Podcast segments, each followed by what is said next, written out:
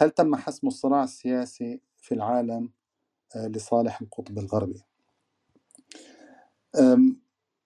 يعني دعو دعونا نطرح السؤال ابتداء. يعني أنا حابب أسمع آه، قبل أنه أنا أيضا أشارك في هذا النقاش.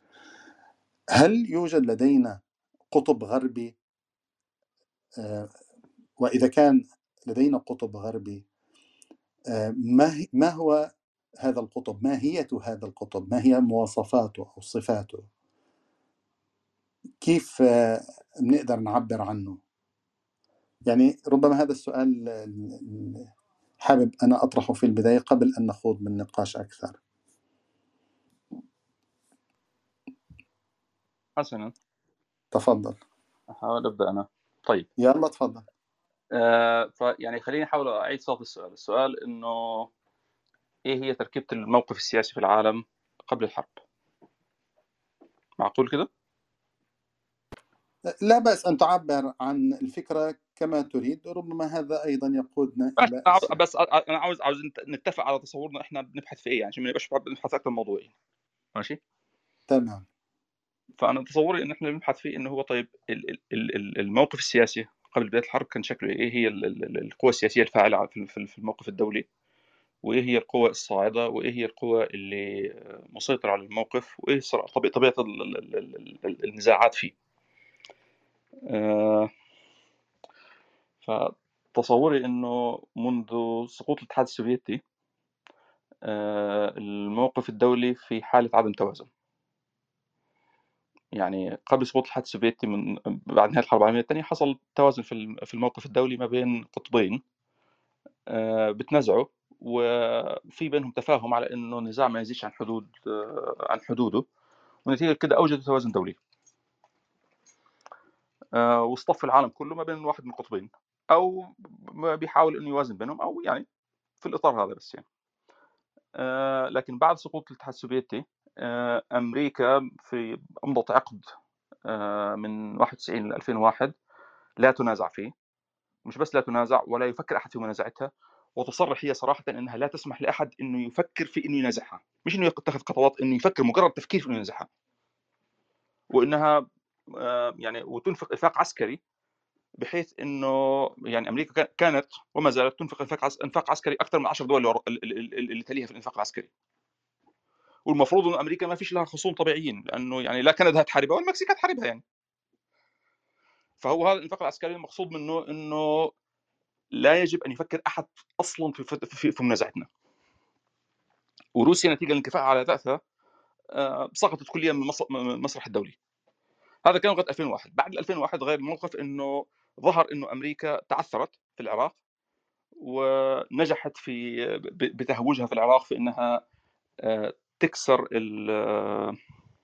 السكون الأوروبي أو التقبل على مضض الأوروبي لعدم منازعة أمريكا. فنجحت في إنها تكسره. وثبت عمليا إنه بالإمكان تحجيم أمريكا وبهدلتها دوليا. حتى وإن كان مش مواجهتها لكن تبهدلتها دوليا. فمن 2001 وانت جاي إحنا في حالة آه، محاولة لمنازعه أمريكا على مركز الدولة الأولى اللي بتفرض قواعد اللعبة. آه، الاتحاد الأوروبي بيفكر إنه ينازع لكن لا يقوم بأعمال. لأنه هو بطيء. اوروبا آه، روسيا بتفكر إنها تنازع لك. لا تقوم بأعمال لأنها كانت في وضع سيء. والصين ما بتفكرش إنها تنازع إلا في حدود آه، شرق أورو... آه، شرق آسيا بس يعني. فتفكيرها محدود مش دولي. ولما توسعت توسعت بشكل واضح فيه إنها تتوسع الاغراض الاقتصادية. لما توسعت مثلا في أمريكا اللاتينية ولما توسعت في أفريقيا كان توسعها متعلق بتحقيق مصالح اقتصادية مش بإيجاد نفوذ سياسي. يعني هي لما راحت مثلا تعاملت مع الأنظمة بتاعت أفريقيا وراحت تعاملت مع الأنظمة بتاعت حتى نظام سيلان مثلا يعني تعاملت معهم على أساس إن إحنا يعني هنقرضكم فلوس ماشي اسرقوا اللي أنتم عاوزينه وادوا اللي إحنا عاوزينه لكنها ما شغلتهمش مخبرين عندها. بقيت هذه الأنظمة على ولها السياسي كما هو.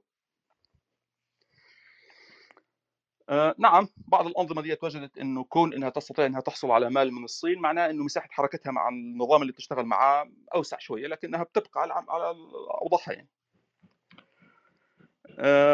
اللي حصل إن روسيا حاولت بالحرب ديت تحدي موقف أمريكا باعتبارها الناظم للنظام الدولي.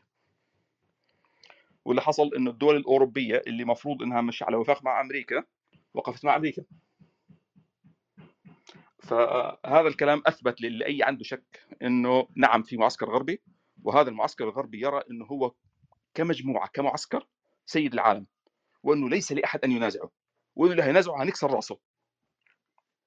فهذا الكلام ظهر واظن متركز ومن الظاهر إنهم آه، حاليا آه، في موقع آه، لا يمكن التفكير في منازعته حتى يعني.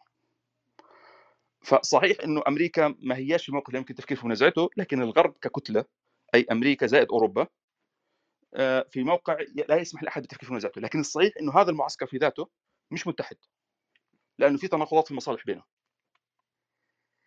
يعني حتى مثلا فيما يتعلق بالموقف من روسيا مثلا في تناقضات يعني دول أوروبا نفسها ألمانيا وفرنسا ودول غرب أوروبا لا ترى منازعة روسيا لأنه هذا الكلام معناه إنه يصبح تصبح أرضها هي محل للنزاع. هم مش مستعدين يكونوا أرضهم محل للنزاع. هم ككل مستعمرين عاوزين النزاع مع, مع خصومهم المستعمرين يكون في ارض المستعمرات مش في بلادهم. فهم ما لهمش مصلحة في في, في منازعة روسيا. بريطانيا كالعاده طبعا عاوزة تحجم أوروبا بأنها توقف روسيا. وأيتام بريطانيا أستراليا وكندا والشلة ونيوزيلندا وراها. أمريكا مش واضح بشدة هي بتعمل إيه على الأقل بالنسبة لي أنا. يعني أمريكا نعم تدعم آه، تحجيم أوروبا. عن طريق استعداء روسيا والسير في اتجاه تحجيم روسيا لأنه هذا الكلام معناه روسيا مش هتنهار. صحيح إنها لن تصل فشلت في منازعة أمريكا لكنها لن تنهار. هي دولة موجودة. وهي دولة كبيرة. آه، والإصرار على منازعتها معناها إنها ترجع تاني عشان تدافع عن نفسها لأنها تعتبر ده تهديد وجودي لها. فلذلك مثلا ترى إن ألمانيا وفرنسا مش راغبة في ذلك. أمريكا وبريطانيا لم تدفع لذلك هم حقيقه بيحجموا فرنسا وألمانيا. آه، لكن الغريب مثلا اللي لفت انتباهي جدا ومش قادر أفهمه إنه كيسنجر طلع طلع يؤيد الموقف الأوروبي ده. وكيسنجر رجل عدواني جدا وبيحبش أوروبا. يعني هو مش صديق لهم وهو يمثل الموقف الأمريكي فأنا مش فاهم اللي قاله ده ومحتاج تأمل أكثر عشان أفهم اللي بيحصل. جزاكم الله خير حياك الله طيب بس قبل ما أنتقل إلى طارق يعني أنت ذكرت نقاط أنا أتفق معها. بس حتى نتفق أيضا عليها بدي أفهم شغلة. أنت ذكرت بعد ال 2001 ما قامت به أمريكا أدى إلى فشل لأمريكا. فتعثرت في العراق وتعثرت في أفغانستان بل أستطيع أن أقول فشلت في العراق وفشلت في أفغانستان. وأدى هذا إلى حالة من التضعضع في الإدارة الأمريكية وفي وضع أمريكا في العالم. لكن أنا اللي أثار آه، انتباهي أنك ذكرت أن هناك كان آه، ظاهر آه، إمكانية ل بهدلة أمريكا. أنت استعملت لفظة بهدلة. وأنا خلينا أستعمل لفظ شيء من استنزاف أمريكا لا سيما في العراق. وأنه ثبت أنه هناك من يستطيع أن يستنزفها ويستطيع أن آه، يضع حد لجبروتها ولعجرفتها وإلى آخره. طالما نحن نتحدث عن السياسة الدولية نتحدث عن الموقف الدولي نتحدث عن بالضرورة وجود دول هي التي قامت آه، باتخاذ هذه الإجراءات ضد أمريكا. من خلال الوصف الذي تفضلت به آه، عن الصين وعن روسيا وعن الاتحاد الأوروبي. واضح أنه هؤلاء لم تكن هي الأقطاب الدولية التي أدت بفعلها إلى آه، استنزاف أمريكا في دعنا نركز على العراق. فمن هي إذا الدولة أو الكيان الذي قام بذلك؟ لا في الواقع أنا رأيي أنه أوروبا والصين وروسيا هي اللي استنزفت أمريكا في العراق. لأن الاستنزاف ما هواش آه، الحرب. المعنى أنه نزع الشرعية عنها. يعني أمريكا آه، بتشغل الأمم المتحدة أو مش يعني تريد أن تكون الأمم المتحدة ختم يختم بالشرعية على أعمالها الإجرامية. آه، اللي حصل إنها فشلت في الحصول على ذلك في الأمم المتحدة في الهجوم على العراق. وفشلت في الحصول على ذلك في الموقف الدولي كله لأنه الغرب نفسه وقف ضدها. الغرب طبعا مش بريطانيا أنت يعني أظنك ترى إن هي اللي ورطتها وأنا لا أرى ذلك.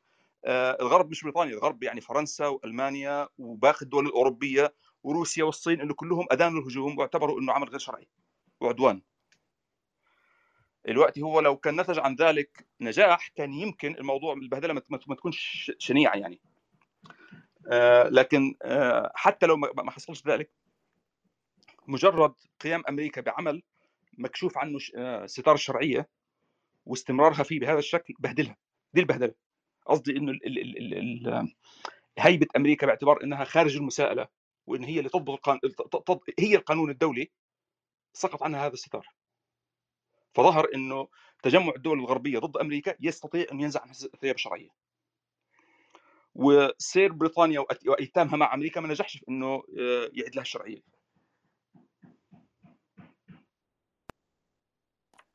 تمام. خلينا نتوقف عند هذه النقطة قليلا لأنه هي هي بتوضح أكثر بس يعني رجاء أنت احكي مثلا رأيك لأنه إذا بدك تقول و... و... وأنت رأيك كذا ف...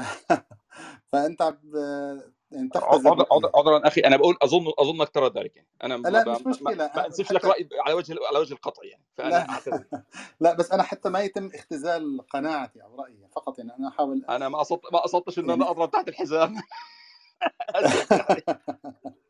لا لا بأس عليك إن شاء الله. آه، لكن طيب خلينا نتفق بس على نقطة أساسية هون إنه ما في شك إلى حين يعني أنا قلت لك في أشياء كثير بتفق معك فيها لكن حتى نبين نوضح إنه على أي أساس عم نتفق إحنا عم نبحث هذا البحث. فأمريكا راحت بدها تجتاح العراق العالم وقف ضدها بما فيها أوروبا وكان موقف فرنسا أكثر دولة ربما في العالم حدية من الولايات المتحدة الأمريكية. وكان في هناك مظاهرات عارمة في كل أنحاء العالم ضد أمريكا. ولأنه أمريكا تماما كما ذكرت بأنها ترى الشرعية هي ما تقوم بها أمريكا مش الأمم المتحدة. وإن الأمم المتحدة إذا كان لها غاية فهي أن تقوم بختم وتوثيق أفعال أمريكا في العالم. بل إن أمريكا في ذلك الوقت أرادت أصلا أن تغير النظام الدولي السياسي كله برمته قالت كونداليزا رايس إنه موازين القوى بعد انهيار الاتحاد السوفيتي وما استجد في العالم وتفوق الولايات المتحدة الأمريكية دفع إلى إعادة النظر في كل ما هو موجود من آه، ترتيبات في هذا العالم لأنها لا تعكس موازين القوى. وبالتالي كان في هناك دعوة إلى آه، إعادة آه، وضع أسس جديدة للنظام السياسي الدولي. وكان احتلال العراق عبارة وأفغانستان ربما بشكل وإن كان هامشي أقل هو مقدمة آه، فرض النموذج الأمريكي الجديد في السياسة الدولية وفي العلاقات الدولية في موازين القوى، لذلك أمريكا لم تأبه لا بالأمم المتحدة ولا بمعارضة بقية الدول، بل اعتبرت أن نجاحها فيما ستقوم به هو الذي سيعطيها الشرعية. الآن هذا الجانب تمت الاجابه عليه ونحن أيضا متفقين عليه. لكن السؤال الذي يطرح نفسه من الذي استنزف أمريكا في العراق؟ من الذي قام باستنزاف أمريكا حتى اخلاقيا في العالم؟ يعني الإمبراطوريات الإعلامية الشبكات الإعلامية. فإذا أردنا أن نقف على حقائق هذه الأمور على دقائق هذه الأمور. يعني الدول التي كانت تساند ما يسمى بالمقاومة العراقية سواء ماليا أو سياسيا أو امنيا أو عسكريا. من هي هذه الدول؟ أكيد مثلا لم تكن سوريا ولم تكن إيران لأنه نحن جميعا نتذكر أن بيكر هاملتون الكوميتي الفريق الذي تم الأمريكي الذي تم تشكيله لدراسة الأزمة الأمريكية في العراق استنجد بالنظام السوري وبإيران كي يرسموا طريقة خروج الولايات المتحدة الأمريكية من العراق. فهم أرادوا الاستعانة بهم كمنقذ فهي لم تكن لا سوريا أكيد ولا إيران حتى نخرج من وهم محور الممانعة والمقاومة ومشاكل من الذي استنزف أمريكا في العراق؟ وأنا لا أتحدث هنا على صعيد تنظيمي إنه والله ممكن واحد يقول القاعدة مثلا أو يقول البعثيين أو لأنه حتى هذه المجموعات بحاجة إلى دعم، إلى تمويل، إلى سلاح، إلى مال، إلى إمداد ونحن كنا نرى ونعرف ونشاهد ونتابع أن التدفق غير آه، الطبيعي الذي يأتي سواء من السعودية أو من خلال الأردن أو من خلال غيرها من الدول في هناك تدفق مالي تدفق آه، بالمتطوعين حماية سياسية للمعارضة إلى آخره. هل هذا كان هذا الذي كان يجري هذا غير الموضوع الأخلاقي الذي ذكرته دكتور إيهاب. هذا كان يجري بدافع من من؟ بتخطيط من من؟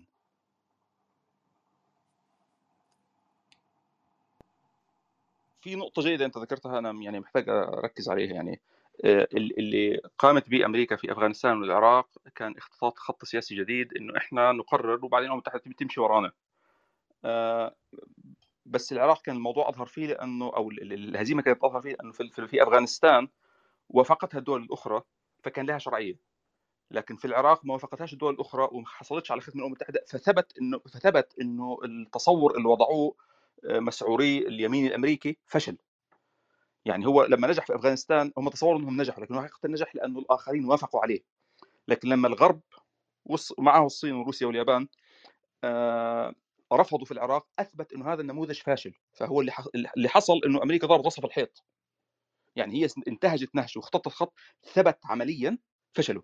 إنك أنت لو حاولت تقوم بأعمال دون الحصول على موافقة الدول الغربية الأخرى ودون الحصول على ختم الأمم المتحدة اللي يمثل بالنسبة للدول الغربية القبول بالأعمال الاستعمارية اعطاها الشرعية إذا عملت كده هتتصرف برا إطار الشرعية وهتتبهدل. فهو اللي حاصل إنه الواقع نفسه اللي أثبت فشل هذا الإجراء لأنه لما الدول دي توقفت ضدهم سقط عنهم هيبة الشر... يعني هاله الشرعية وسقط الستار بتاع ساحر أوز يعني. دي مسألة. ناو أتكلم في القضية التفصيلية بتكلم عنها اللي هي مين اللي قام بأعمال دعم المعارضة العراقية. هو حقيقة آه، إيران وسوريا دعموا المعارضة كمان مش بس اسمه إيه ده مش بس الأردن وإيران وسوريا. يعني إيران دعم دعمت آه، الأعمال العسكرية اللي كانوا يقوم بها جماعة مقتدى الصدر مقتدى الصدر وصحيح إنه طائفي السنة يزعموا إنهم ما كانوش يقوموا بأعمال عسكرية لكن صحيح إنهم كانوا يقوموا بأعمال عسكرية. وأمريكا بتشتكي من أعمالهم العسكرية وإن كانت محدودة لكن كانت موجودة بالذات في البداية. وأمريكا اشتكت كثيرا من آه، أدوات عسكرية أدخلتها إيران في الصراع ما كانتش موجودة في العراق.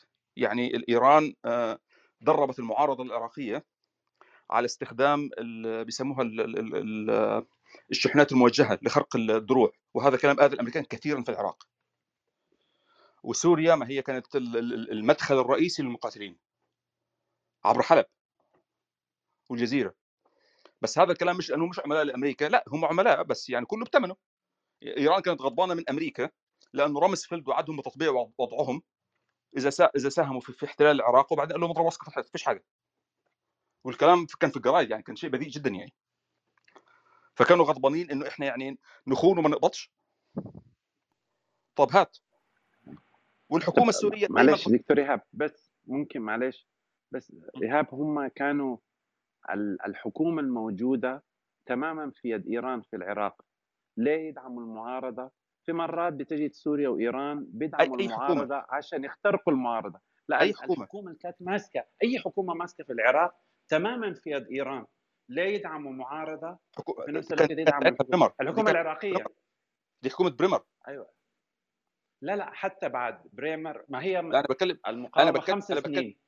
أنا بتكلم على الفترة 2005 لغاية 2006 الف... sorry 2003 لغاية 2006 لا قصدي إنه إحنا أم... ال... قادة إيران قالوا إحنا أمريكا دخلت إيران العراق وأفغانستان بسببنا إحنا. نعم. إحنا سهلنا لافغانستان صحيح الكلام ده. نعم. وهي هي أمريكا سلمت إيران العراق. الآن مش معناه إنه أمريكا فلتت؟ يعني ودي حاجة خلاص دي مقطوعة يعني إلا بس الكلام الفاضي اللي بيحصل. وسوريا هي تبع لإيران ما بتعمل حاجة. في مرات المع...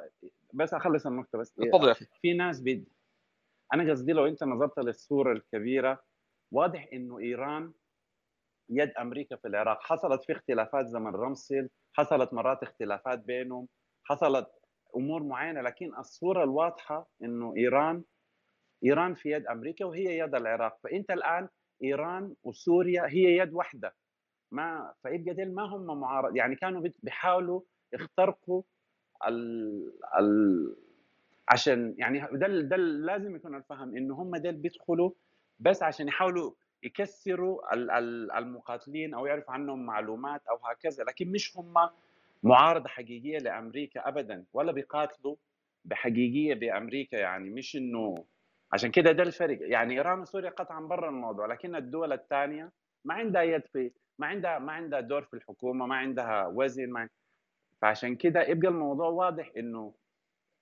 حد غير إيران وسوريا وهي كانت طب. صراحة بلاد الخليج لا بس يعني عفوا دكتور إيهاب بس قبل ما ما ت- لأنه النقطة اللي ذكرها طارق هي مهمة جدا لكن يبنى عليها أيضا ما هو أهم. لأن حتى ما نغرق نغرق ب- بتفاصيل آه، طب هذا ليش عمل هيك؟ هذا ليش سوى هيك؟ وكيف ممكن نفهم بعض آه، التحرشات السياسية والمناكفات السياسية. نحن تحدثنا عن وجود لقرار سياسي له علاقة ببناء موقف دولي جديد. وتحدثنا أن الولايات المتحدة الأمريكية آم، لديها متفقين نحن جميعا بما بما فيهم أنت بكل تأكيد أنه إيران وسوريا هم أيضا يلعبون بملعب أمريكا وأتباع لأمريكا وعملاء لأمريكا. آه الآن نحن نتحدث عن فشل المشروع السياسي الأمريكي في العالم وفي العراق. لا يمكن بحال أن تقول لي أن الذين تسببوا بإفشال أمريكا في العراق هم سوريا وإيران. طبعا طارق يعني يعني بشكل موفق أضاء على نقطة بكل بساطة ممكن فيها الرد على اللي على هذا. لا أقول أنك تقوله لكن كونك لمحت إليه أو ممكن يفهم ضمنيا من, من كلامك. أنه الذين يتحكمون بالعراق على صعيد كونه نظام سياسي وحكومي وممسكين في زمام الأمور. هم أتباع إيران في في العراق. حتى أنه لما فاز آه، علاوي في الانتخابات آه، العراقية أمريكا رفضت أن يستلم الحكومة وأن يشكل الحكومة وكذلك إيران رفضت. وجاءت إيران بالمالكي بموافقة أمريكا بالمالكي ومدحه طبعا جورج بوش الابن آه، ومنذ ذلك الحين وإلى يومنا هذا آم، أتباع إيران برعاية أمريكا هم الذين يستلمون ويسيرون الحكم في العراق. لكن أنا هذا بالنسبة لي أعتبره حالة هامشية في البحث لأن الموضوع هو أعظم وأخطر وأكبر وأهم من هذا بكثير. وتصغيره إلى هذا المستوى يعني هذا قد يعملنا حالة من الانحراف يعني ما بعرف شو المصطلح بالضبط بالعربي لكن نوع من الديستراكشن يعني عن النقطة الجوهرية لأنه أنت ذكرت نقطة من ثم لما جينا بدنا نتفق أو نختلف فيها يبدو أنه صرنا عم نختلف فيها أنه هناك كان إرادة دولية حقيقية لشل أمريكا في العراق آه، ل آم، آه، إفشال أمريكا في العراق. أنت قلت أنه هذا الإفشال لم يكن بسبب لا الصين بطبيعة الحال أتفق معك ولا روسيا بطبيعة الحال أتفق معك ولا حتى الاتحاد الأوروبي لأسباب كثيرة وإن كان على الصعيد القانوني والصعيد الأخلاقي وعلى الصعيد الإعلامي الجميع شارك في ذلك صحيح لكن نحن الآن نتحدث لا على موضوع الذي أفشل فعليا أمريكا في العراق ليس للمستوى الأخلاقي وإن كان هذا من تبعاته ومن تداعياته وهو موضوع مهم جدا لكنه جاء. صار مهما جدا لأن أمريكا فشلت ميدانيا فالذي آه، حصل من إفشال في العراق آه، لأمريكا. نحن أيضا على ما يبدو أن متفقين جاء نتيجة آه، توافق دولي لكن هذا التوافق الدولي يجب أن يتجلى بإرادة دولية يجب أن يتجلى بعمليات ميدانية بدعم وتمويل وتجييش ودفع وتأطير وإلى آخره. فهذا الجواب الذي هذا الموضوع الذي أنت لم آه، تجب عليه يعني بشكل محدد. وهذا بحاجة إلى ضبط يعني. حسنا أنا محتاج آه، يعني آه، أقدم بمقدمتين. ماشي؟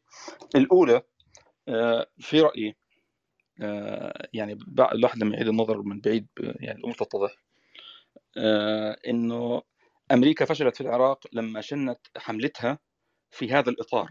يعني لما تصورت إن بإمكانها إنها تحصل على الشرعية بمجرد الاحتلال بوضع اليد.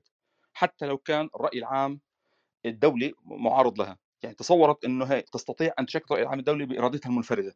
فهي فشلت لما تصورت ذلك. هذا الف- الفشل حصل هنا لأنها سقطت عنها الشرعية الدولية. لما تصورت ان بإمكانها إنها آه، آه، تغض النظر عن خاتم الشرعية اللي تحصل عليه من الأمم المتحدة وموافقة الدول الغربية والدول الاستعمارية الأخرى. فشلت هناك. مش لما آه، لا لا لا المق... نحن لا مش لما مش لما المقاومة به... مش لما المقاومة لا قبل قبل أن نصل لهذه النقطة نحن اتفقنا على إنه أمريكا أصلا تريد انتهاج نهج سياسي دولي جديد تعيد فيه ترتيب حتى المؤسسات الدولية. يعني كانت تقول ماشي. أمريكا كانت تقول أمريكا لماذا توجد في الأمم في الأمم المتحدة في مجلس الأمن دول لديها حق القرار الفيتو؟ لا يمكن أن تقارن بأمريكا. نعم. يعني هي تريد أن تغير هذه المؤسسات. صحيح صحيح. تريد أن تغير المنظومة الدولية برمتها. فبالتالي نعم. هي عند هذا الحد لم تفشل. حتى هذه اللحظة لم هي كانت أمريكا. كانت بتقول اللي يسموه coalition of the willing يعني أمريكا أنا ما مش مشكلة أمريكا, أمريكا واتباعها لا أنا بس حتى حتى نضلنا مركزين بالموضوع. عن جد يعني حتى الواحد بس يقدر أنا أنا بديك أنا بديك المصطلح اللي كانوا بيستخدموه coalition of the ماشي الحال. بس خلينا إحنا الآن. أمريكا أرادت تغيير النظام الدولي وفشلت في تغيير النظام الدولي. الآن جزء من تغيير النظام الدولي هو الخروج عن الشرعية الدولية. الآن أرادت أن تأخذ قرار إنه يجب على الكل أن يخضع. ما خضع بل وجهت أمريكا. وجهت في الإعلام وجهت في المؤسسات الدولية ووجهت في الشوارع أيضا بالمظاهرات المليونية التي عمت كافة أرجاء العالم. هذا وجهت في أمريكا لكن لم تبالي بذلك حتى إنه بريطانيا في حتى في آخر لحظة قالت لها فقط لنعطي هذا النظام 60 يوما وبعدها نشن آه، حرب عسكرية بلا هوادة إن لم يستجب نظام صدام حسين رفضت أمريكا وقالت عفوا مش 60 يوم 45 يوم قالت أمريكا إذا سأذهب بمفردي إلى العراق ولا أريد بريطانيا معي. هذا حصل إلى هذه الدرجة. طيب إذا أمريكا ذهبت عن سابق إصرار وتصميم لإعادة لاحتلال العراق لإعادة ترتيب الموقف الدولي والنظام الدولي وفرض نظام سياسي دولي جديد. من هنا لا أستطيع أن أقول أنها فشلت بمجرد أنها آه، اختارت أن تخرج عن الشرعية الدولية. أصلا هي تريد أن تغير الشرعية الدولية. هي نقطة. هذه يعني. نقطة. خليك بس معي. ماشي. فلذلك آه، الآن الآن أن أحاكم أن أمريكا لأنها لأنها فشلت في العراق. بالتالي أربطها بفشلها الأول. لا هي فشلت بالأول لأنها فشلت في الثاني. يعني هي لم تفشل أصلا بالأول. لا هي فشل هي مثل ما أنت قلت قبل قليل بشكل صحيح إنه أنت لو أمريكا فعليا نجحت في تدمير أفغانستان وتغيير النظام السياسي فيه وتدمير العراق وتغيير النظام السياسي فيه واستتب لها الأمر في هذين البلدين لصارت في مشروعها السياسي الدولي ولم تأبه بأحد على الإطلاق. لا سيما كلنا يتذكر أن في تلك اللحظات العصيبة بعد أحداث 11 سبتمبر كان العالم يرقص على رجل واحدة مرتعبا من ردة فعل أمريكا.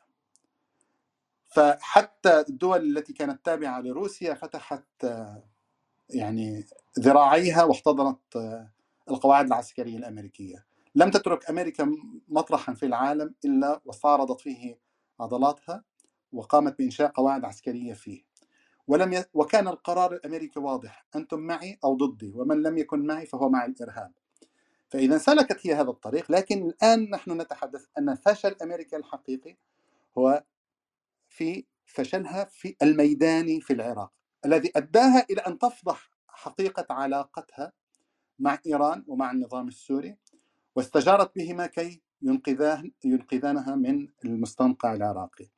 The Iraq and the Way Forward. وثيقة بيكر هاملتون الشهيرة. ما زال هذا تحت العنوان اللي أنا أذكره الآن.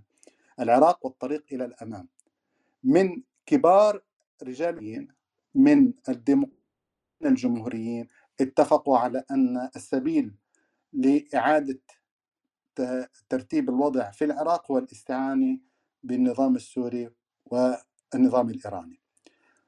إذا هذه النقطة. فنحن لا نستطيع الآن مهما نتحدث وأنا هنا بالمناسبة لا أتحدث من باب الإحراج لكل بكل أمانة يعني. أنا فقط نحاول أن نضع الواحد محتاج محتاج يضبط فهمه يعني فهو جيد البحث جيد. يعني أنا ابتداء أعطيت رأيي وأنت أعطيت رأيي وأظن الاثنين مش صواب وصواب في الوسط بينهم.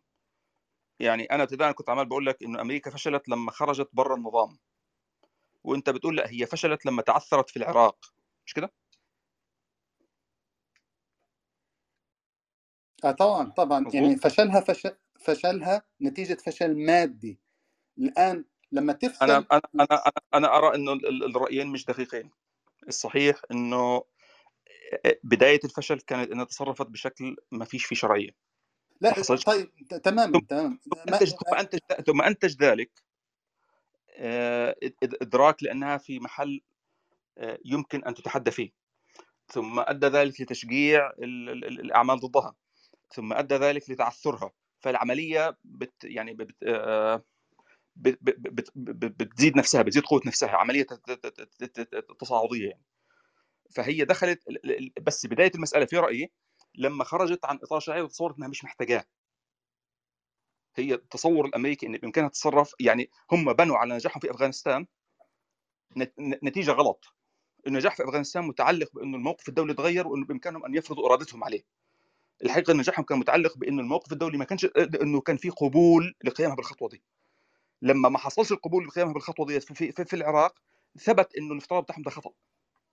فهم افترضوا افتراض وتبين خطأه.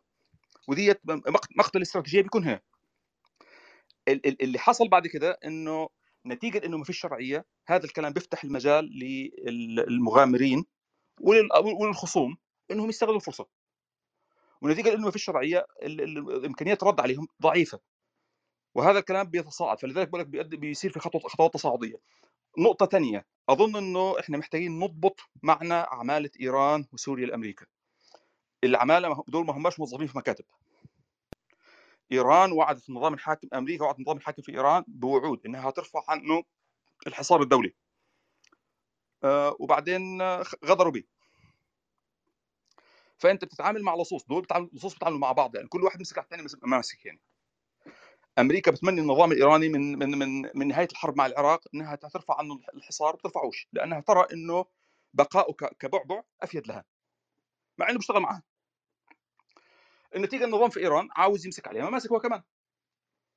صحيح إنه هي أعطته أعطته آه، يعني مساحة حركة في في العراق ما كانتش له. صحيح أصلا إنه إسقاط الدولة الوطنية في العراق آه، مباشرة آه، مكسب تكتيكي ال- ال- ال- الاستراتيجي لإيران. بس إيران لها مكسب أهم أمريكا ما بتديهولهاش اللي هو رفع الحصار عنها. وأمريكا بتفضل تمنيها بيه وتديهولهاش. ولذلك غضبانة بتدور على العصيان. فهي ما بدأتش المشروع النووي مثلا إلا بعد ما رمز في الغدر بها دكتور إيهاب أنت لا تجيب على السؤال أو ما, أنك تجيب على السؤال ما أنا جاي لك. أنا لا بجاوب لا على فقط. السؤال. لا أنت أنت يعني أنت يعني وكأنك تريد أن تقول أن بسبب آه هذه الحالة إنه إيران تسببت بإفشال مشروع أمريكا في العراق مثلا. يعني هذا غير وارد طبعا. مش بس نختلف كثير وحتى لا أنا أنا أنا بقول لك آه وحتى مش بس إيران وحتى سوريا. يعني حاف حاف حافظ أسد مرتزق عند أمريكا لكنه بيدور على ورق.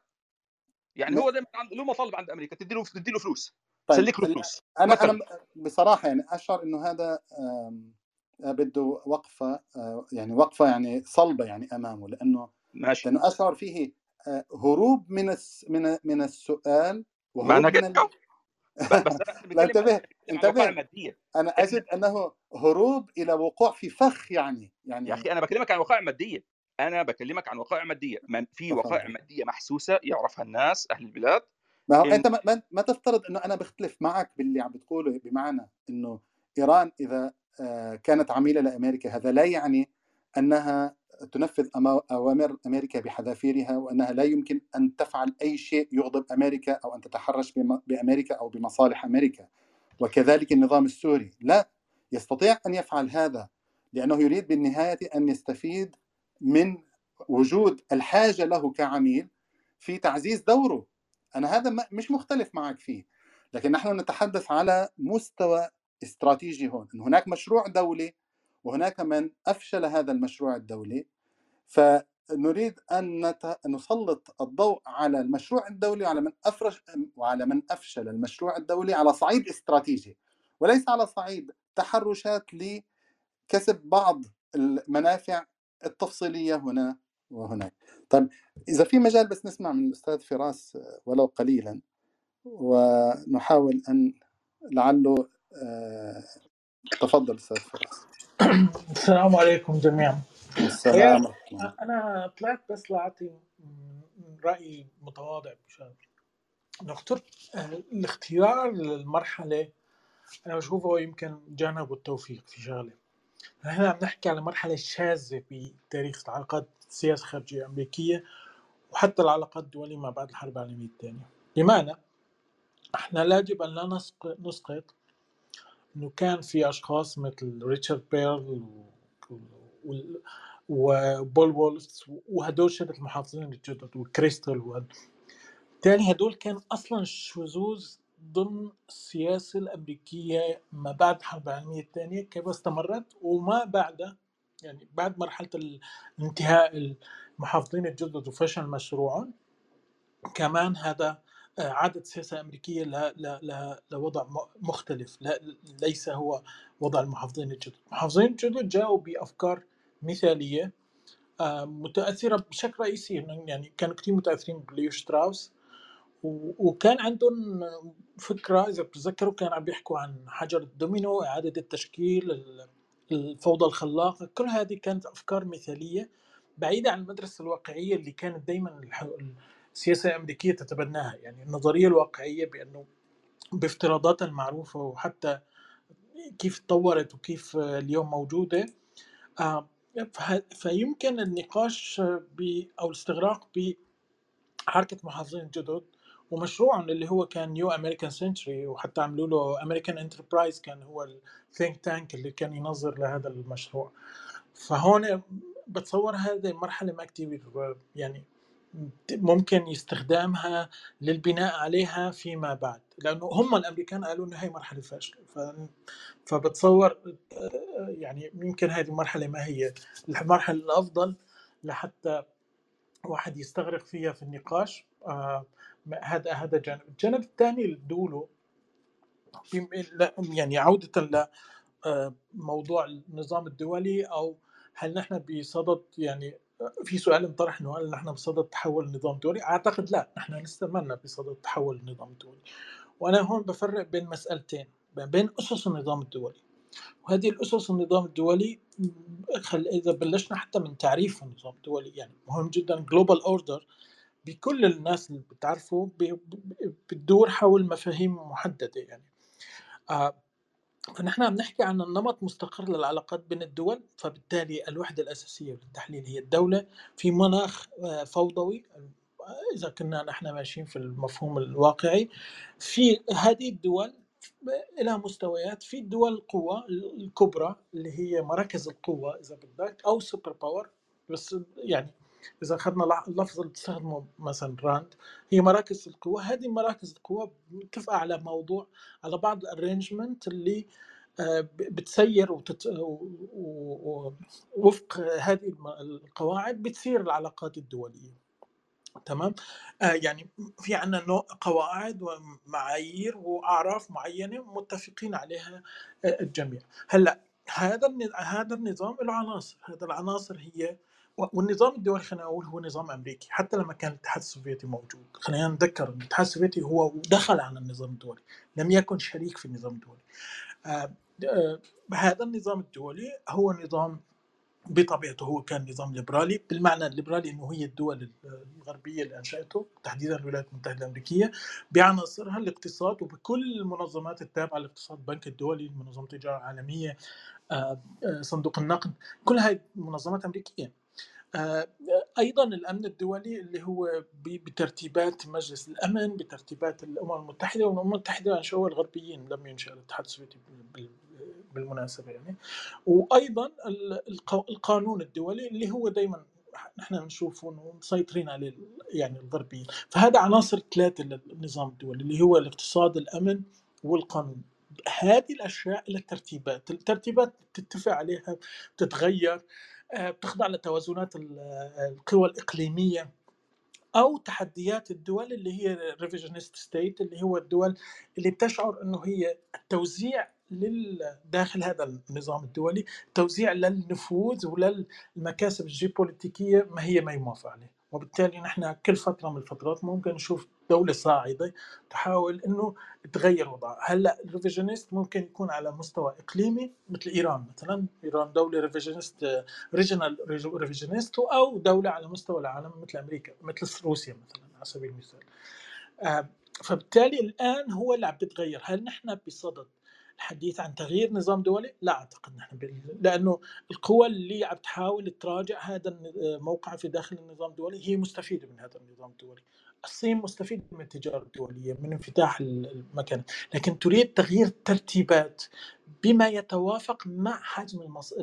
حجم القوه التي تتمتع فيها. آه، روسيا مثلا بدها تغير الترتيبات وبالتالي إحنا بصدد تغيير ال arrangement مش ال global order نفسه. إنه نحن ال global order برجع بقول يعني هي اللي يتجسد بشكل رئيسي بالأمم المتحدة، هذا ال global order هو الأمم المتحدة وما يتوزع عنها من شلال المؤسسات. آه، فلذلك أنا باختصار شديد، نقطه اولى اللي حبيت أقولها إنه مرحلة الحرب على العراق والمحافظين جدد مرحلة لا تصلح للنقاش لأنه هي مرحلة شاذة آه، ولا يمكن سحبها على تاريخ العلاقات الدولية وبالتالي البناء عليه. النقطة الثانية أنه نحن لسنا بصدد تغيير النظام الدولي نحن بصدد تغيير مواقع النفوذ في هذا النظام الدولي ومواقع النفوذ تتطلب بكل الأنماط يعني نحن ممكن نتحدث عن توازن قوى balance power أو ممكن نحاول نتحدث عن leadership تبع الولايات المتحدة الأمريكية أو الاحاديه القطبية أو الثنائية القطبية اللي فيها حالة التوافق اللي كانت موجودة أيام الاتحاد السوفيتي. آه هذه الأنماط اللي هي بتكون موجودة جوا النظام الدولي عادة. أو نتحدث عن نمط جديد. نحن اليوم كوفيد 19 حرب أوكرانيا كلها ممكن تشجع على صعود نظام جديد. هذا النظام الجديد اليوم عم ببلشوا يكتبوا عنه إنه ليش نحن نروح على ال globalization اللي اللي شجعتها أمريكا بعد 91 خلينا نحن بمشاكل ال supply chain ونحكي على آه، انقسام الاقتصاد الدولي ل regionals لمواقع آه، إقليمية، هذه المواقع الإقليمية إلى قنوات بين بعضها. فبالتالي ممكن نحن رايحين لهذا النمط. أنا بشوف صعب نروح لهذا النمط بس في ناس عم تشتغل عليه. آه، فبرأيي إنه نحن عم نحكي على الترتيبات. هذه الترتيبات قد إيه ممكن هذه الترتيبات تكون واقعية أو لا وقد إيه الدول آه، ممكن تنجر إليها لأنه هون بتبلش تظهر ظواهر في الموضوع هذا ظاهرة مهمة كتير واحد ينتبه عليها اللي هي صفات ال revisionist state وشو بتعمل. التحالفات اللي بتكون ما بين الدول ال revisionist أو اللي بسموها التقاطر أو ال bandwagoning آه، أو اللحاق بالركب والدول والصراع هون بيصير بين القوى الكبرى على الدول الصغيرة. وحتى ونقطة كثير مهمة أنا أختم فيها إنه في حالات الصراع اللي بتكون بهذا الشكل حالات التحول الانعطاف بتصير المناطق اللي هي مناطق ليست ذات أهمية في السياق العادي ذات أهمية. باللحظه هي ما ما بتترك أي شيء آه، نائي أو بعيد إلا بتبلش القوى تهتم فيه. وهذا يمكن شفنا نحن إنه بايدن بزيارته الأخيرة لروس لآسيا راح عمل تكتل من 13 دولة. إذا بتطلع على الدول هي ليست كلياتها بنفس المستوى لكن هو لا يريد أن يترك فراغات. بلش النمط يتضح تماما كيف الولايات المتحدة الأمريكية عم تتعامل معه وأيضا كيف روسيا أصلا خاضت هذه الحرب آه، وليش خاضتها؟ يعني كمان آه، مهم نعرف ليش خاضتها وكيف راح تروح فيها وإذا نجحت ولا ما نجحت. هذا كله بالنهاية برأيي إنه راح يأثر فيما بعد على شكل النظام الدولي وشكل توزع النفوذ داخل هذا النظام الدولي. تمام أشكرك أستاذ فراس. آه، لكن أنا في عندي آه، هيك آه، أفكار سريعة أود أن أقف عندها.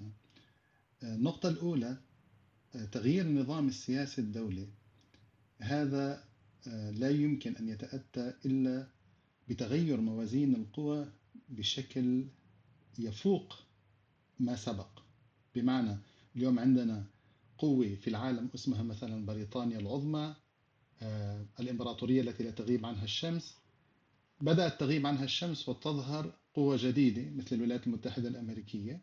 الآن ممكن أن يتغير النظام السياسي الدولي لأنه أي تغير سواء في النظام السياسي الدولي أو على صعيد التكتيك أو آه، التموضع آه، أو العلاقات في السياسة الدولية هو بالنهاية انعكاس لموازين القوى. فتغيير النظام السياسي الدولي بحاجة إلى تغيير كبير في موازين القوى بحيث أنه الدولة الأولى في العالم تهبط وتأتي دولة إما تصبح بمستواها أو بمستوى أعلى منه. الآن لذلك نحن نقول أن الولايات المتحدة الأمريكية كانت هي الدولة الفعلية التي نادت بتغيير النظام الدولي لأنها قالت أنه أنا في مستواي الآن أفضل بكثير من المستوى الذي أنتجته الحرب العالمية الثانية. وصرت بعد سقوط الاتحاد السوفيتي أيضا في مستوى أعلى يفرض علي أن أكون في موضع أفضل بكثير ومن خلال هذا الموضع أن أرسم السياسة الدولية بما يتوازن ويعكس موازين القوى الدولية. الآن أمريكا فشلت في ذلك فاضطرت أن تعود إلى ما يسمى بين المزدوجين المؤسسات الدولية والتحاكم إلى هذه المؤسسات بما فيها مجلس الأمن والأمم المتحدة ومشاكل. هذا آه، رقم واحد. آه، رقم اثنين اللي هي أنه هذه المرحلة اللي أنت سميتها مرحلة استثنائية بالتاريخ الأمريكي وربما التاريخ العالمي.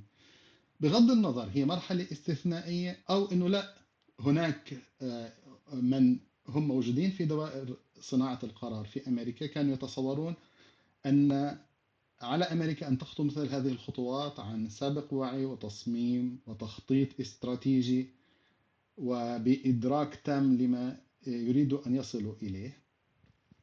في كلا الحالتين ما عاشته أمريكا منذ أحداث 11 سبتمبر وتبعات قيامها بعملياتها من غزو لأفغانستان والعراق ومناداتها بتغيير النظام السياسي الدولي آه، كل ما تبع ذلك حتى يومنا هذا تقريبا فيك تقول إنه حلقات متتابعة جاءت نتيجة ما قامت به أمريكا في تلك في تلك المرحلة. وحتى السباق يعني عندما جاء آه، أوباما كرئيس لأمريكا لأنه قال أنا أريد أن أتعامل بأزمة ورطتنا فيها هذه الإدارة الجمهورية إدارة المحافظين الجدد ومشاكل. لما إجا حتى ترامب آه، قال أنا كنت ضد آه، غزو العراق وضد هذه الحروب كلها الموجودة في العالم إحنا خضناها بلا قيمة وبلا ثمن ومشاكل. وهكذا دواليك. بعيدا عن الدخول في التفاصيل ومدى دقة التفاصيل ومشاكل لأنه الموضوع هون نحن فعليا نبحث بالموقف الدولي بالوضع الاستراتيجي بالتوجهات الكلية للدول بما يؤثر في علاقات الدول. ولذلك آه، أنا برأيي لا يبقى ما حصل في أفغانستان وما حصل في العراق بشكل أكثر دقة لأنه هو كان الموضوع الحاسم في إفشال أمريكا. يجب أن يتوقف عنده ويفهم آه، ماذا حصل هناك ولماذا حصل هذا ومن هو الذي يتحمل المسؤولية الأولى في إفشال أمريكا. هل هي دولة بعينها أم أنه مجموعة دول أنه مجموعة ظروف دولية ومجموعة معطيات دولية وهل هناك كان في توافق بين هذه الدول أم أنها كانت عبارة عن تحالفات مؤقتة؟ ولماذا استمرت هذا ولماذا استمرت هذه الحالة من النزيف في آه، واقع الدولة الأولى في العالم سنوات طويلة بعد احتلال العراق؟ أخلاقيا وإعلاميا وماليا آه، ووضعها آه، في الموقف الدولي ومشاكل. يعني هذه أسئلة في صميم الموضوع ويجب بحثها. الآن فقط حتى يعني نتطرق بشكل مباشر أكثر إلى السؤال ونضع أجوبة في صميم الموضوع. لأنه ما حصل بعد غزو أوكرانيا من قبل روسيا يختلف عن الوضع الذي كان عليه الحال قبل غزو روسيا لأوكرانيا. فكان في هناك مواقف يعني تتسم آه، بهنا بالتنافس وربما بالاختلاف بين الاتحاد الأوروبي من جهة وبريطانيا من جهة أخرى بين الاتحاد الأوروبي آه، وبين الولايات المتحدة الأمريكية آه، من جهة ثانية خاصة عندما صعد ترامب وطريقة تعامله مع أوروبا. وهكذا دواليك. لما جاءت الأحداث في أوكرانيا آه، بدأت تتشكل آه، يعني بدأ يتشكل شيء أشبه بالجبهة الموحدة غربيا رغم وجود بعض الأصوات النشاز هنا أو هناك لكن تم استيعابها وتم تأطيرها ضمن الإطار العام باتخاذ موقف حازم وحاسم من آه، روسيا وغزو روسيا لأوكرانيا. فالآن طبعا حتى آه، متابعة لذلك عندما بدأت آه، الصين تحاول أن تأخذ بعض المواقف التي يبدو أنها متذبذبة أو متعارضة أو تناكف الغرب بشقيه وتحديدا الولايات المتحدة الأمريكية. كان الجواب عليك أن تري ماذا فعلنا بروسيا في أوكرانيا. روسيا بغض النظر عن النتيجة التي يمكن أن تسفر عليها الحرب. روسيا وضعها بائس في أوكرانيا. روسيا آه، بدل أن تؤدب أوكرانيا تم تأديبها فعلا في أوكرانيا. روسيا آه، لا تستطيع أن تخرج من أوكرانيا آه، بالشكل ليس فقط الذي كانت تتمناه إنما بالشكل الذي كانت عليه قبل دخولها إلى أوكرانيا فالآن طبعا السؤال اللي بيطرح نفسه هل استطاعت هذه الكتلة اللي ربما إحنا وصفناها في السؤال آه، في هذه الجلسة هل تم حسم الصراع السياسي في العالم لصالح القطب الغربي؟ يعني أن هذا القطب الغربي بالرغم من تبايناته بالرغم من تنافسه بالرغم حتى أحيانا بين مزدوجين ربما من بعض الصراعات التي ممكن توجد بين أطرافه بين أطرافه لكنه في وقت آه، كما يقال آه، الأزمة آه، يقف بشكل صلب لتثبيت موقفه على اعتباره سيد العالم وأنه هو من يرسم المسموح والممنوع في هذا العالم. يعني لو تطرقنا مباشرة لهذا السؤال كيف يمكن أن نتعامل معه؟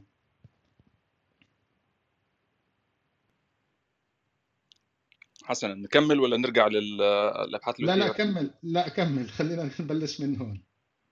طيب. آه ماشي. هو ال ال ال يعني أنا متفق معك إنه اللي بإمكان الواحد يشوفه بس مش هعرف أكمل لغاية ما أوصف اسمه إيه ده؟ أوصف مصطلحات. آه، لو قارنت الموقف الدولي قبل الحرب العالمية الثانية وبعد الحرب العالمية الثانية وما فيش شك إنه تغير. مع إنه حقيقه آه، الأسس القانونية بتاعته ما تغيرتش. يعني قبل الحرب العالمية الثانية كان أساس الشرعيه هو الدولة الوطنية. ونظام دولي مبني على آه، قواعد وقوانين تطبقها عصبه الأمم. وبعد الحرب العالمية الثانية نفس الشيء برضه كل موضوع اصبح اصبح أصبح الوقت اسمها الأمم المتحده وأصبحت أكثر فعالية. لكن ال ال ال ال الشكل القانوني ما تغيرش. فهو آه، تصور إنه الشكل القانوني هو اللي بيحدد النظام الدولي ده تصور ليجل يعني ليجاليستيك يعني. من ناحية سياسية لا هو مش بس الشكل القانوني والقوى المسيطرة اللي بتفرض هذا الشكل القانوني. فإذا تغيرت تركيبة القوى السياسية ديت فهذا تغيير في النظام الدولي. لأنه معنى كده إنه التوازن السياسي اللي بيحكم النظام الدولي يتغير فهو النظام الدولي مش بس القوانين والقواعد اللي بتحكم العلاقات بين الدول وإنما برضه آه، التوازنات الكبرى المسيطرة على آه، القوانين والقواعد. لأنه حقيقه ما فيش قوانين ولا قواعد يعني في الموقف الدولي العالم ما هوش دولة فما فيش في دولة ما فيش في قوة ذات سيادة. صاحب السيادة فيه هو مجموع القوى آه، اللي تشكل التوازن الدولي. فإذا تغير التركيبة ديت معنى كده النظام الدولي تغير حتى لو فضل القوانين نفسها. عودة آه للي إحنا بنتكلم فيه. آه أظن إحنا عمالين بنقول آه دكتور إيهاب فيني اقطعك بس هون نقطة واحدة. آه حقيقه خليني أقول لك شغلة بس إنه النظام الدولي اللي نحن اليوم موجودين فيه هو نظام وستفالي يعني هو من 1648 طور شكله عملوا له reshaping صار في structure بنيات جدد فيه. بس هو هذا النظام الذي الدولة هي الدولة كستيت هي وحدة رئيسية اللي فيه. تمام؟ آه اليوم هذه البنى بيفرق مين هو اللي عم بيسيطر عليها مين هو اللي عم بيدير آه آه أو يمتلك قوة الامتثال فرض الامتثال لقواعد النظام. لذلك أنا لما ذكرت قلت شغلتين قلت نمرة واحد إنه نحن مثل ما حضرتك تفضلت هلأ بشوي العالم ليس دولة لا حتى أكثر من ذلك إنه المناخ الدولي أو البيئة الدولية هي بيئة فوضوية بطبيعة الحال. الأمر الثاني إنه آه، بنى النظام الدولي هات بين قوسين هو نظام دولي أو global order هو هي بنى وستفاليه يعني هي بنى أوروبية بعد الحرب العالمية الأولى انتهت وصار في الولايات المتحدة الأمريكية هي التي تسيطر عليها. عمليا هذا ما تغير. اليوم من من 1648 لليوم ما تغير. تغير أحيانا ال arrangement كان في توازن قوى بعدين صار في ثنائية قطبية. النمط للسيطرة هو اللي تغير داخل هذا وهذا من ضمن ال arrangement بس كبنية ك structure كبنى هي واحدة من 1648 نعم ما فيش خلاف. هو بس بقول هو الخلاف على مصطلحات يعني. هو نعم البنيه البنية القانونية لل- للنظام الدولي آه، وستفاليين ما تغيرتش. آه، أما النظام نفسه فهو مش بس البنية هو البنية ومين اللي بيديرها؟ أو مين اللي صاحب بين قوسين السيادة؟ مع انه مصطلح سيادة على الموقف الدولي مش صحيح. يعني بس يعني لو استعرناه ماشي. النقطة الثانية. آه، صحيح إنه أمريكا حاولت تغيير الموقف الدولي في ال 2000 في في ال 2001 وفشلت. آه، وأحسب ال- الخلاصة اللي إحنا نوصل لها النهارده إنه روسيا حاولت وفشلت. لكن اللافت الانتباه أنا على الأقل أكثر ما لفت انتباهي شخصيا آه، إنه اتضح للي مش شايف إنه المسيطر حقيقة منذ سقوط الاتحاد السوفيتي آه، مش بس أمريكا كدولة أولى وإنما قبول الغرب لها باعتبارها ولنظامها وتأييده لها. ال- ال- ال- ال- ال- الموقف الدولي اللي بدعم أو صاحب بين قوسين السيادة فيه مش بس أمريكا أمريكا ومؤيديها وداعميها من ال- الدول الغربية بين قوسين لأن الدول الغربية ديت مش بس غربية أوروبية بيدخل فيها كمان اليابان وتايوان. يعني ال- ال- ال- النظام ال- ال- النظام الغربي بين قوسين هو اللي صاحب السيادة في العالم وهو مستعد لسحق من في طريقه. وهو يدرك ذلك تماما وبيتخذ إجراءات على هذا الأساس. وصراحه هو بيصرح بذلك دلوقتي. يعني إن كان يخفي قبل ذلك فهو يصرح. وده نتيجة الحرب. فالنتيجة حقيقه ليست آه، تغيير الموقف الدولي ولا النظام الدولي بل آه، دعم وتركيز له. هو مستمر كما هو من 2000 من من- من 91 ما تغيرش. ويبدو إنه مستمر معنا لفترة طويلة لأنه ما يبدوش إنه في منازع له. القضية الوحيدة اللي ممكن أقولها إنه لكن هذا البيت داخله نزاعات كثيرة. بس. طيب بس اسمح لي طارق أقول شغلة واحدة وأعطيك المجال. آه يعني نقاط جوهرية أضاء عليها الدكتور إيهاب لكن أنا أريد آه أن أضيف شيء بسيط. آه بالنسبة لأمريكا نعم حاولت آه بعد احتلال العراق وأفغانستان أن تغير النظام السياسي الدولي على فارق مع قيام روسيا. هي لم ترد أن تغير النظام السياسي الدولي طبعا في باحتلالها أوكرانيا إنما أرادت أن تغير آه، موضوع التموضع في هذا السياسي في في الوضع الدولي. يعني هناك يجب التمييز بين مسألة النظام السياسي الدولي وبين الموقف السياسي الدولي. النظام السياسي الدولي هو إعادة صياغة للعلاقات الدولية بموجب آه، صيغة مؤسساتية مثلما نتج لدينا نظام عصبة الأمم بعد الحرب العالمية الأولى ونظام هيئة الأمم المتحدة ومجلس الأمن بعد الحرب العالمية الثانية وما شاكل. فهذا تغيير فيه بالشكل وبالنوع وبموازين القوى. ال- ال- الأمر اللي فعلته روسيا وهو اللي أشار إليه آه، الأستاذ فراس آه، في نفس الوقت أنه ما نتحدث عنه اليوم ليس تغييرا في النظام السياسي الدولي حتى ما قامت به روسيا ليس المقصود منه تغيير النظام السياسي الدولي إنما تغيير آه، العلاقات الدولية أو إعادة ترتيب آه، أوضاع آه، أو تموضع هذه الدول في ضمن النظام الس- السياسي الدولي وفي الموقف السياسي الدولي. هذا هذه النقطة الأولى. النقطة الثانية اللي ذكرتها وهي منطقة نعم وهي نعم صحيح. نعم صحيح. جزاك الله خير. الله يكرمك. الن- النقطة الثانية اللي ذكرتها أنت بصراحة نقطة حساسة جدا ومهمة جدا وهي نقطة مفتاحية في موضوع البحث اللي هي أنه الولايات المتحدة الأمريكية هي صحيح أنها الدولة الأولى في العالم منذ الحرب العالمية بعد الحرب العالمية الثانية وصحيح أنها أيضا تميزت بعد انهيار الاتحاد السوفيتي وصار لها وضع وشأن أهم إلى آه، وصولا إلى عام 2001 بعد 2001 نتيجة سياسات أمريكا بدأت التداعيات يعني تؤثر عليها وتؤثر على وضعها إلى آخره. لكن النقطة اللي أنت أشرت إليها وهذه هي مفتاح في الموضوع أنه أمريكا ليست زعيمة للعالم بمفردها أو لأنها تستطيع أن تفرض نفسها بشكل متفرد في هذا العالم آه، ورغما عن جميع هذا العالم. بدليل فشلها في العراق. بدليل أن هناك من أفشلها في العراق وبدليل أن فشلها في العراق أعاد يعني قام بتأديب أمريكا واضطرها إلى أن ترجع إلى المؤسسات الدولية.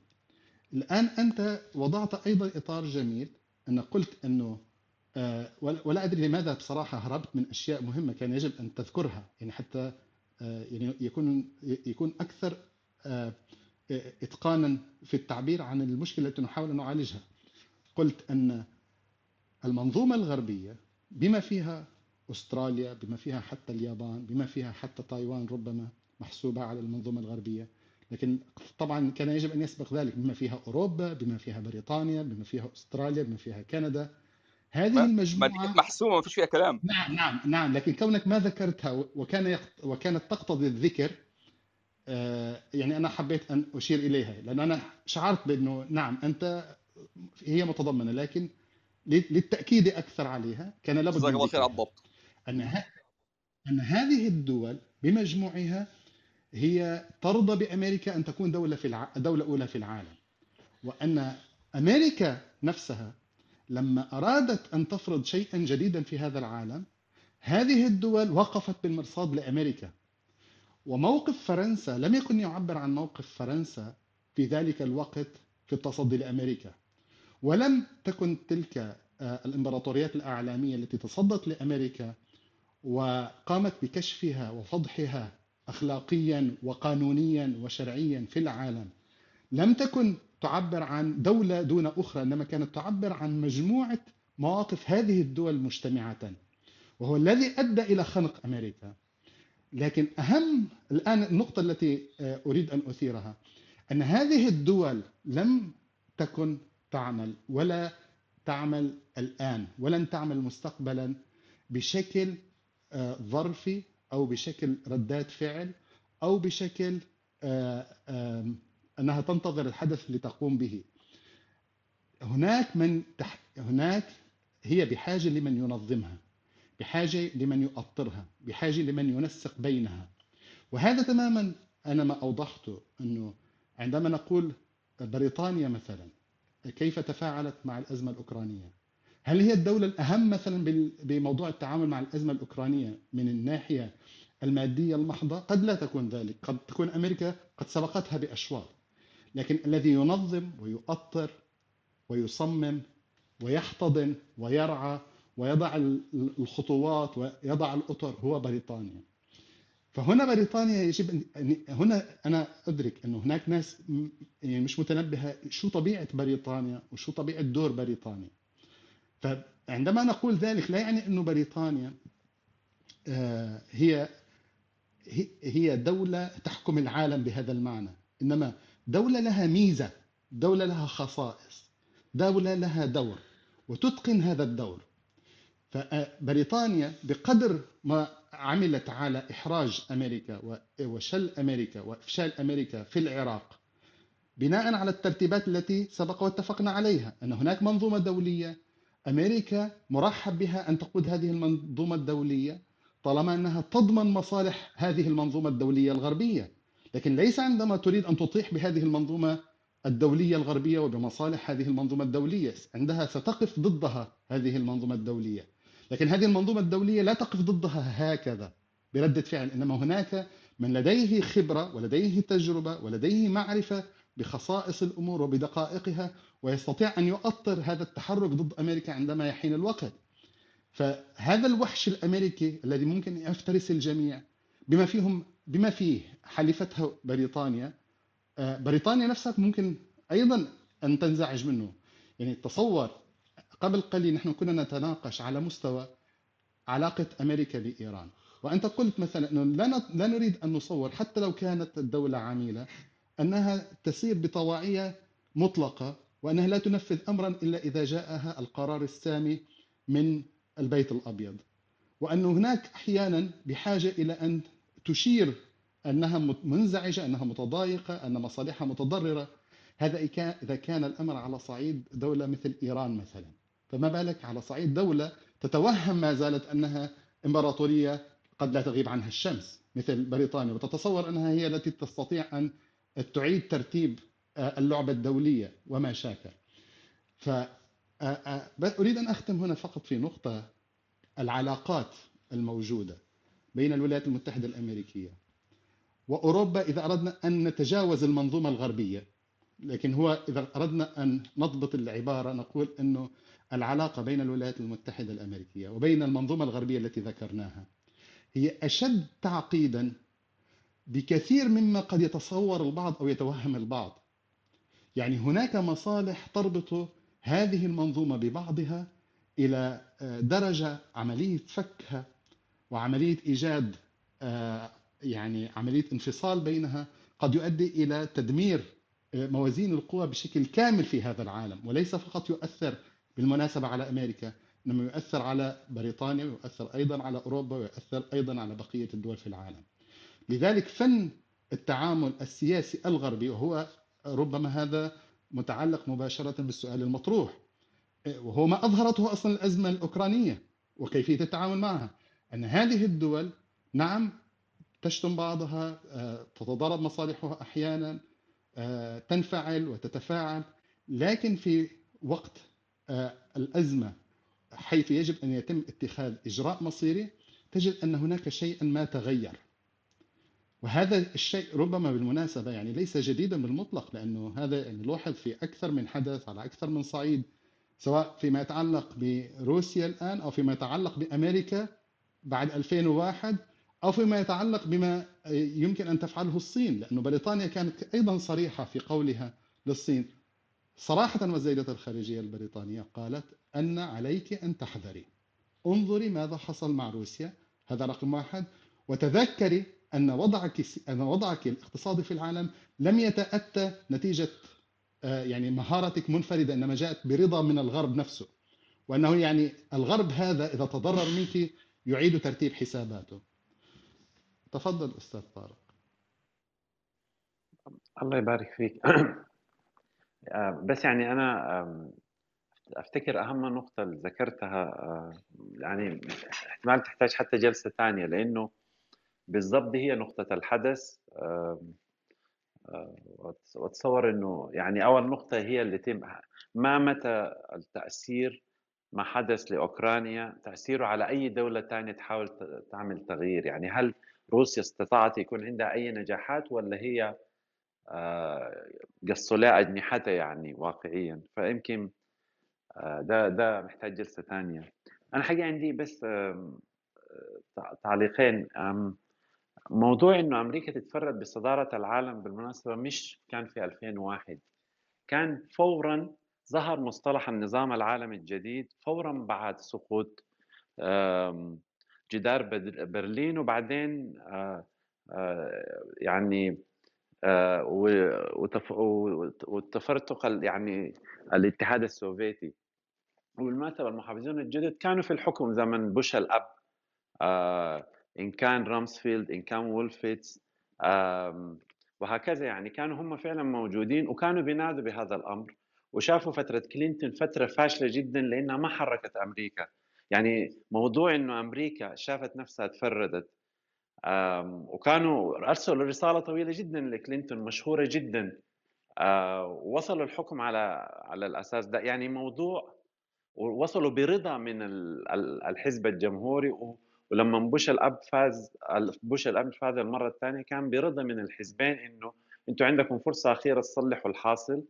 فيعني هي موضوع يمكن 10 12 سنة 10 يعني إنه أمريكا الفكرة دي يعني موجودة بقوة جدا يعني آه، وحاولت تنفذها. فهي فكرة قوية جدا اتفقوا عليها الجميع وكانوا عندهم غرور شديد جدا إنه إحنا انتهينا من يعني ما في دولة ند صح في دول ممكن مشاكسة لأنه أمريكا عارفة إنه بريطانيا مشاكسة لكن هي هي يعني كمان عملت حاجة قوية جدا اللي هي دي يعني يمكن إنه هي وروسيا اتفقوا على إخراج آه، بريطانيا وفرنسا من الساحة الدولية في الستينيات والسبعينيات. أنتم خلاص دوركم كدول استعمارية انتهى. فعشان كده موضوع إنه أمريكا كانت عاوزة تسيطر على العالم وشافت تسيطر على العالم كان يعني وده اللي بيحصل في السياسة التغيرات في السياسة ما في بتاخذ تاخذ عش... يمكن يعني ده السياسيين 15 سنين 15 سنة بيعملوا خطة طويلة ويحاولوا ينفذوها وطبعا الدول الأخرى بتقف لهم بالمرصاد. فالنقطة الأولى دي إنه موضوع وطبعا أخذوا صدمة فظيعة. العراق دمرتهم دمار كامل انتهت منهم نهايه يعني عشان كده إنه أمريكا تخسر مثلا 10000 جندي آه وتبهدلوا بهدلة يعني فظيعة جدا. ده واضح إنه ما كان عمل جماعات مسلحة ولا جماعة يعني صحيح كان عندهم بطولات وهكذا لكن واضح إنه وراء الدول واضطروا في الحالة دي يرجعوا تماما. فدي النقطة الأولى الآن اللي نحن بنشوفه إحنا يعني ناقشنا واضح طبعا. يعني إنه دور بريطانيا وزي ذكرت بريطانيا عندها دور الآن مش إنها هي زي ما ذكرنا مش إنه الآن بريطانيا حتكون ند لأمريكا لكن واضح الآن بريطانيا باستمرار عندها أعمال بتبرز فيها قوتها رأيها وماشية فيها. يعني آخرها مثلا يعني مش مع أمريكا وغير أمريكا هي عندها آراء معينة وحتمشي فيها بطريقة قوية جدا. وروسيا قالت إنه العدو الرئيسي لنا هو بريطانيا. فواضح إنه دور بريطانيا حيكون دور جديد ومختلف ودور آه، أوروبا دور جديد لأنه أوروبا كانت نايمة في العسل زمان. يعني ما قادرين حتى يعملوا لهم جيش صغير الآن لا بقوا عندهم جيوش وأسلحة وهكذا. فواضح إنه في تغييرات زي ما ذكرنا مش إنه في ند لكن لا إنه أمريكا لازم تسمع للدول. طب أنا بس في نقطة ثانية حبيتها لأنه صار يمكن ناقشناها كم مرة. الدول يعني عشان النقطة دي ممكن تضيع المواضيع وبتضيع ناس كثيرة جدا. المنظمات الدولية اللي قامت في العالم دي أو القوانين الدولية أو الأمم المتحدة. طيب دي الواحد لو درسها يعني من غير الكلام الفاضي هي ساحات لل... هي مش إنه الآن الدول الثانية عندها دور إنها تناقش قضايا هي ساحات زي لعبة آه، شطرنج بين الدول الكبرى. كويس. يعني مثلا من الامن لما نتكلم مثلا موجودة خمس دول عضوية وستة سبع دول هي واقعيا هي فقط الدول الكبرى اللي عندها القرار. فهي ساحه شطرنج بين الدول الكبرى إنها تتناقش إنه كيف حتتفق على مصالح. وانتهى الموضوع. يعني ما لا قانون دولي عنده قيمة لا أمم متحدة عندها قيمة. والدول الكبرى دي كلها إذا وجدت إنه الساحة دي ما وصلوا لاتفاق زي خرشتوف لما قال ضرب بحذائه على مجلس الامم المتحده لأنه قال لهم دي نكتة يعني بتعمل العوزه وخلاص.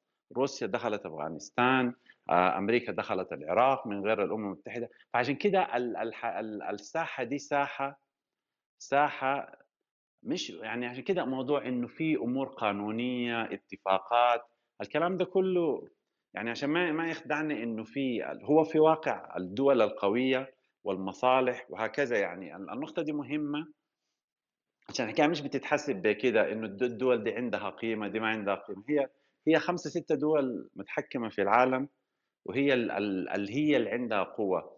وأمريكا طبعا يعني في حاجة واضحة في أمريكا. أمريكا موضوع روسيا ده واضح إنه خارج ما كان خارج ذهنها.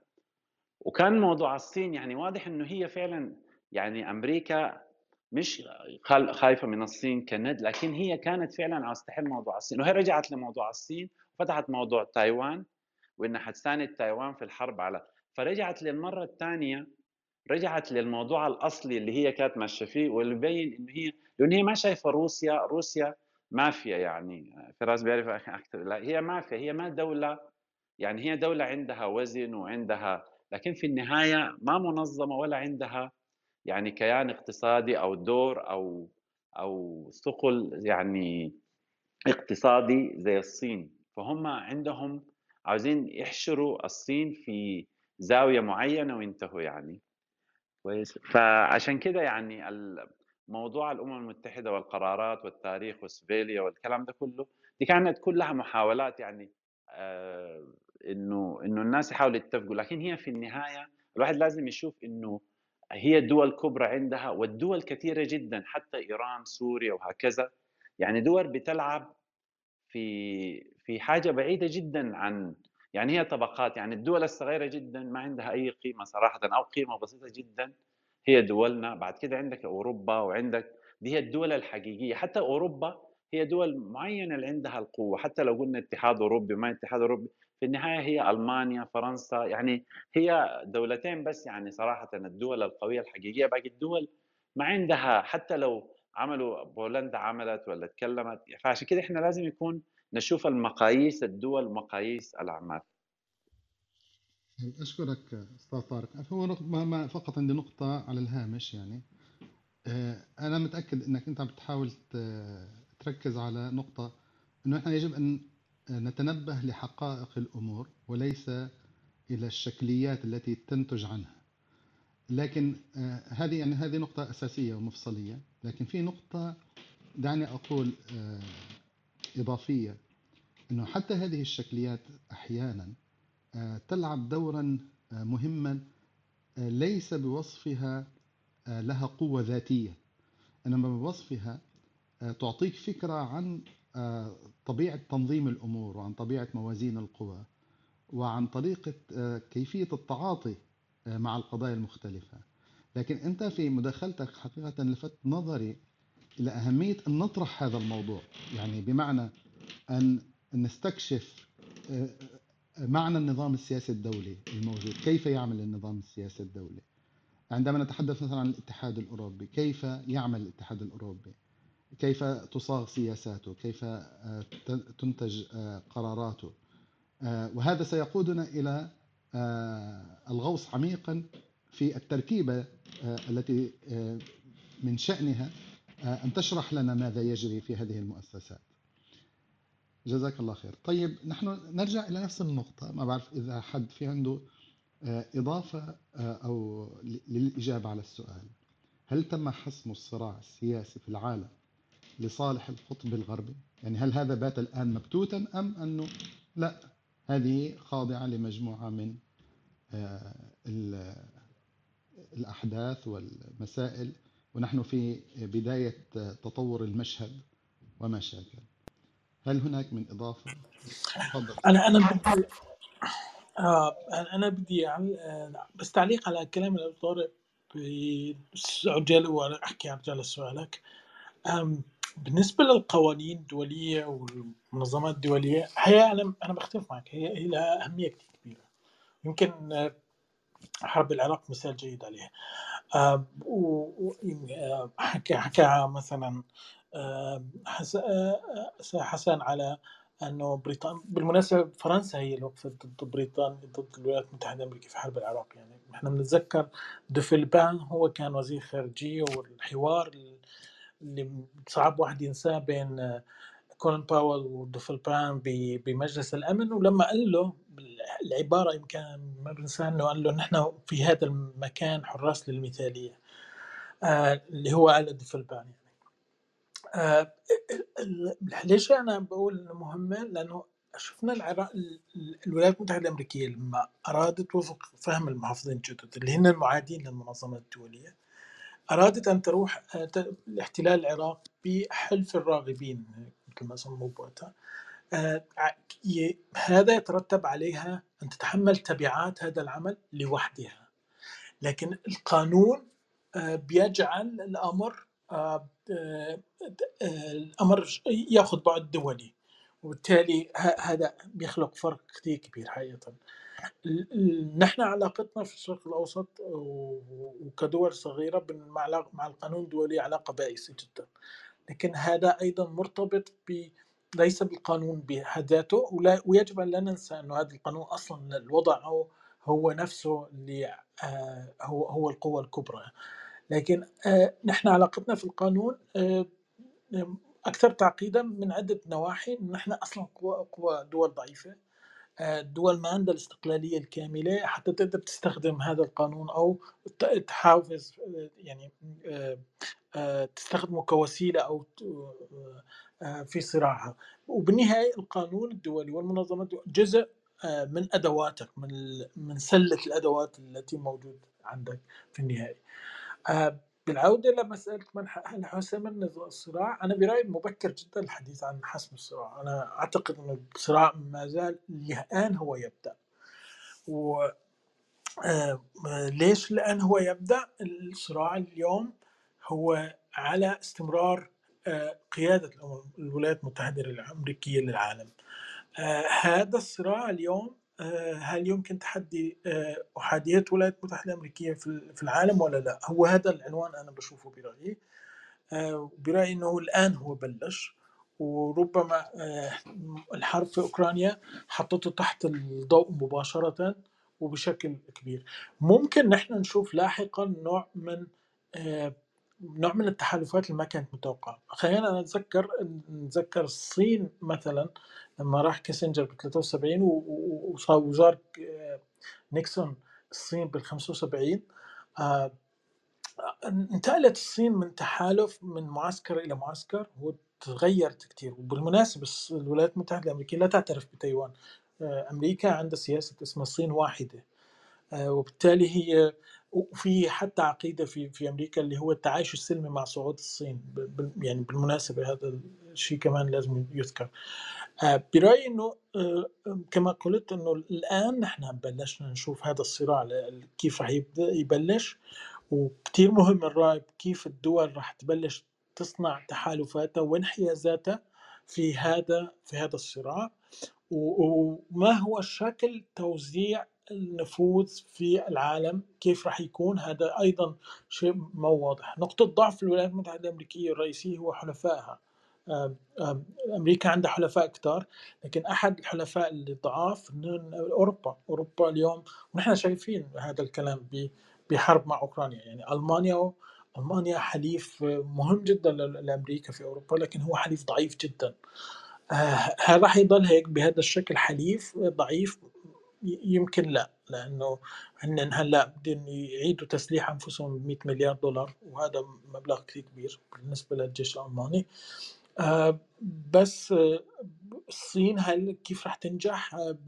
بتتغلب على سياسة الاحتواء اللي عم بتمارسها اليوم الولايات المتحدة الأمريكية باتجاهها بكواد وآكوس و والتحال والتكتل الاقتصادي.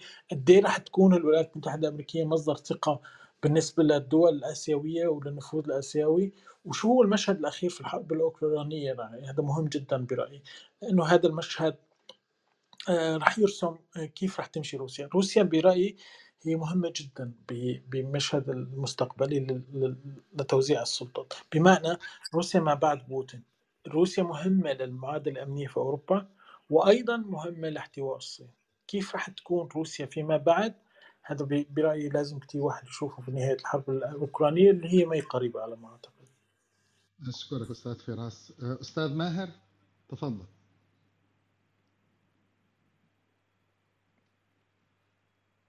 أستاذ ماهر تسمعني؟ نعم نعم. أه السلام عليكم. ابتداء وعليكم السلام ورحمة الله. موضوع العنوان وحسم الصراع. حقيقة هذا يحتاج إلى وقت أطول من آه، الوقت اللي أخذناه في عملية البحث ويحتاج إلى بحث أدق آه، وتوسع آه، في مجال البحث حتى تفهم طبيعة القضية وما ينشأ عن هذه القضية. أما موضوع الصراع فمثلا ما زال قائما ومحتدما. الآن آه، عملية استنتاج مسبقة لحسم هذا الصراع لصالح من؟ آه، أو هل أدى هذا الصراع إلى آه، نتائج معينة أو لا؟ أظن أنه من المبكر لعملية التنظير فيه. أما ما أريد أن أقوله أنه نحن فعلا بحاجة لاستمرار هذه هذا الحوار في الحلقة القادمة.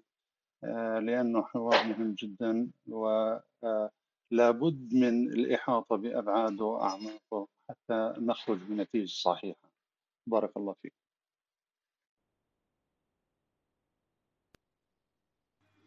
سيدي الله يكرمك ويبارك فيك ويجزيك الخير. طيب آه، دكتور إيهاب عندك شيء تضيفه في هذا الموضوع؟ آه، مسألتين. آه، يعني خلاصة الرأي في الموقف حاليا أنه الغرب حسب الموقف كغرب لصالحه آه، احتمال التغيير فقط إذا تعثر في مواجهة الصين خصوصا أنهم ما هماش على رأي واحد في الموضوع. تفصيل تفصيلين بقى بعد كده التعليقين. الأول المحافظين الجدد ما كانوش مسيطرين على حكومة بوش, الصغير بوش الكبير. في الواقع آه، تشيني حاول إنه يلعب بديل لما كان وزير دفاع وبوش الكبير آه، قمعه بشدة يعني. فتلم يعني. يعني آه، أول تقرير دفاعي أصدرته وزارة الدفاع لما كان تشيني في في الوزارة صار في اتجاه المحافظين الجدد فقال إنه أمريكا ستعمل على منع أي دولة أخرى من التفكير في التنافس معها. فدخلت حكومة تدخل بوش وسحبوا التقرير واعتذروا عنه وقالوا دي غلطة. ف يعني تشيني كان بيشتغل عند بوش الكبير كموظف لكن مع مع ابنه كان يعني صاحب قرار. أما بوش الكبير رياليست زي ما يعني بيسميه فراس يعني. تعريجا برضه على مسألة إنه استلام المحافظين الجدد للحكم في فترة بوش الصغير كان آه، حالة طارئة. هو بغض النظر عن كونها حالة طارئة ولا لأ يعني كونهم استلموا الحكم وكون أمريكا الدولة الأولى ده بيغير بيغير آه، طبيعة الموقف الدولي على طول. يعني مثلا لما ترامب استلم الحكم ترامب يعني nativist. وصحيح إنه قريب من من تيار أصيل في السياسة الخارجية الأمريكية اللي هو تيار الانكفائي لكنه هو nativist وده مش معتاد ابدا يعني لكنه أدى لتغيير كبير في الموقف الدولي.